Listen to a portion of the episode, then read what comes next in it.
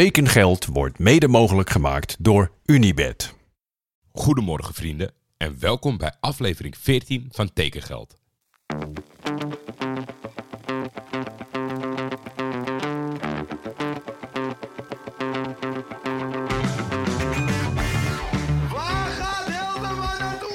Tijd is geld. En veel geld in voetbal is bijna een garantie voor succes. Hallo Paul, this is Hans Nijland. I would like to invite you here in Groningen.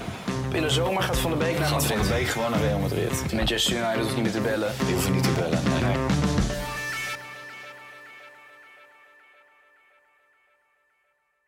Even een vraagstuk voor jullie, want officieel valt het buiten de regels, maar ik word veelal getagd in transfers van Nederlanders die al over de grens spelen, die een transfer maken. Vandaag was natuurlijk Rick van Drongelen die naar Samsungspoor gaat. Hartstikke leuk. Maar ja, het valt wel buiten de tekengeldregels. Tenzij jullie met z'n allen zeggen, gooi dat filter gewoon ook op Nederlanders en vertel ook waar die heen gaan. Ik weet het niet. Bij de officiële regels hoe dit ooit is begonnen, hoorden het niet. Maar laat het gerust weten, dan passen we het aan. Dan heb ik getwijfeld tussen eh, om dit bericht te plaatsen bij de rectificatie of bij de aanvulling. Gisteren heb ik een klein beetje gebluft en dan werd ik gelijk op de vingers getikt door Roda Clubwatcher Max. Want die zei, je had het gisteren wat betreft Lennart Hartjes over een goed seizoen, maar als Roda-watcher moet ik je dan toch even corrigeren. Het lukte hem nooit om een vaste basisspeler te worden. Zijn houding en uitstraling leken een AliExpress-versie van Frenkie de Jong voor te stellen. Het zal je gezegd worden. Maar zijn spel resulteerde vooral in balletjes breed. Deze jongen heeft absoluut talent, maar heeft nog heel veel te leren. Laat hem maar beginnen met wat te doen aan zijn nonchalante houding. Nou, eh Lennart, je bent op scherp gesteld door de Roda Watcher Max. Dan gaan we gelijk over naar de transfers, want het zijn er veel. Nijmegenaar Kürşat Surmeli is terug in Nederland. Hij verliet MVV voor Altenorde op het tweede niveau in Turkije, degradeerde en krijgt nu een kans bij ADO Den Haag in plaats van te strijden in de krochten van het Turkse voetbal. Jorm Bromdeel is een nieuwe keeper van Eindhoven. En ik zeg expres niet de nieuwe keeper van Eindhoven. Voor spelers voelt het iets anders dan voor keepers, maar als je naar zijn cv kijkt, maar als je naar het cv kijkt van Jorn, is het niet zo dat hij zich terecht moest schikken in de rol van reservekeeper. 2016-2017 is het laatste volwaardige seizoen van Jorn bij NAC. Ik vind vooral het volhouden knap. Kijken of hij na 7 jaar weer eens ergens een basisplaats kan veroveren. Bij SK Beveren is dat in ieder geval niet gelukt. Jan Hoekstra uit Eeksterveen. 10 euro als je het met een blinddoek kan aanwijzen op een landkaart van Nederland. Maakt een inmiddels bekende en beruchte stap. Van FC Groningen naar Emmen. Met Dick Lukien aan het roer bij Groningen. Na al die jaren Emmen ga ik ervan uit dat Lukien kansen ziet voor de keeper. Clint Leemans is terug op de Nederlandse velden. Na twee jaar in Denemarken bij Viborg FF. De inmiddels 27-jarige middenvelder gaat voor een leidende rol op het middenveld bij NAC Breda. Boa Vista, de ultieme Eurogoals-club, neemt definitief Robert Bozeniek over voor 2,5 miljoen.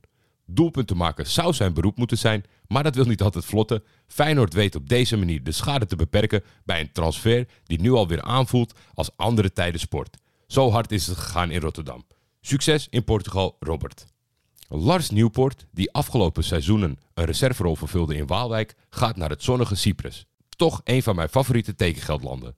Ik verwacht dat Lars daar indruk kan gaan maken, want vorig seizoen, als Cyprus voorbij kwam, waren de verkopende partijen beduidend minder dan RKC.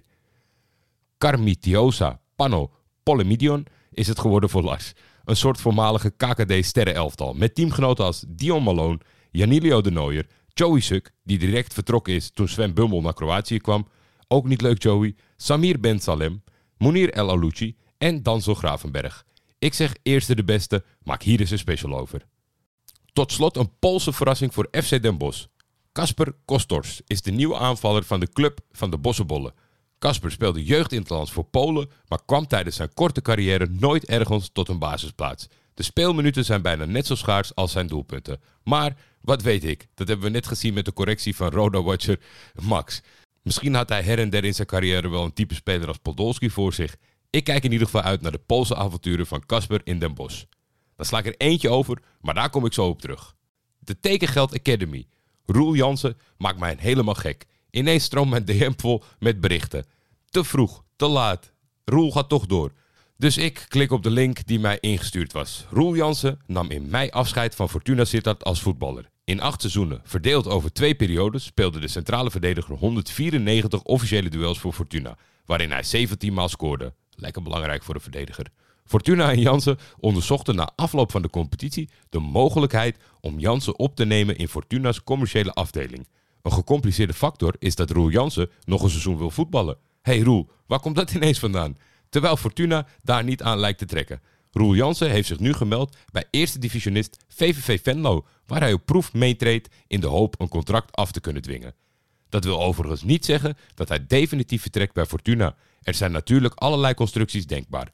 Jansen zou bijvoorbeeld een meerjarig contract bij Fortuna kunnen tekenen op de commerciële afdeling, om in het eerste seizoen op huurbasis te gaan spelen bij VVV Venlo. De tijd zal het leren. Oké, dus je tekent bij Fortuna op de commerciële afdeling. En de commerciële afdeling van Fortuna die verhuurt je als speler bij VVV Venlo. Roel, ik weet het niet meer. Ik hoop dat jij het nog weet. Hou me op de hoogte. Dan gaan we weer naar een kerstverse internationale roundup. Ik heb afgelopen week natuurlijk Janko op scherp gezet en dan is hij op zijn best. Dit zijn de type updates die wij willen. Luister maar naar Janko wat er afgelopen week gebeurde in het profvoetbal van België. Hey Jordi, ik ben uh, aan de slag gegaan met uw kritiek van vorige week en ik ga vandaag dus helemaal onderaan beginnen in de Challenger Pro League, de Belgische tweede klasse. SK Beveren greep vorig jaar maar nipt naast de promotie en wil dit jaar uiteraard beter doen. Daarvoor hebben ze een speler gehaald die jij, denk ik, wel zal kunnen appreciëren, want ze huren een Nederlandse Turk van ja, Fenerbahce wel, Thiago Soukour. Ik hoop dat ik het een beetje goed uitspreek. Nog een leuk weetje over Beveren trouwens. Daar kreeg Jean-Marie Pfaff vorig weekend als eerste Belgische voetballer ooit zijn eigen museum. Ik zou zeggen, allen daarheen. Nog een opvallende naam in de Belgische tweede klasse is die van Reno Wilmot. Dat is de zoon van onze ex-bondscoach Mark Wilmot. Die gaat voetballen voor FC Luik, vroeger beter bekend als Club Luik. Onze eerste klasse dan. KV Mechelen heeft een paar boeiende transfers gedaan. Zo werd Dam, dus niet Daan, Foulon binnengehaald.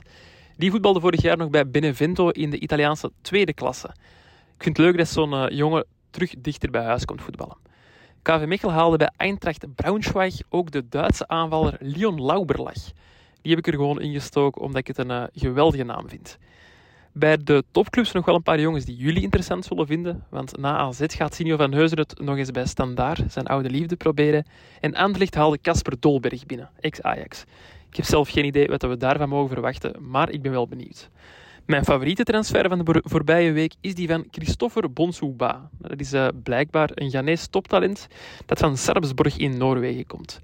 Ook een hoop andere clubs wilden Bonsouba binnenhalen, maar toch koos hij voor Genk. Hij heeft zelf ook uitgelegd waarom. Toen ik nog klein was, speelde ik op FIFA met Racing Genk omwille van spelers als De Bruyne en Courtois. Toen ik hoorde van de interesse van Racing Genk, heb ik geen seconde getwijfeld. Bedankt Kevin en Thibaut, zou ik dus zeggen. En Jordi, jij tot volgende week. Dankjewel, Janko Beekman. Dan de transfer bingo. Nummer 1. We hebben een bingo. Kom er maar in, Broes. Vanuit een zonnig Oostenrijk een officieel persbericht betrekkende de tekengeld transferbingo. De allereerste tekengeld transferbingo is geslaagd. Kik Piri is van Ajax naar Excelsior gegaan.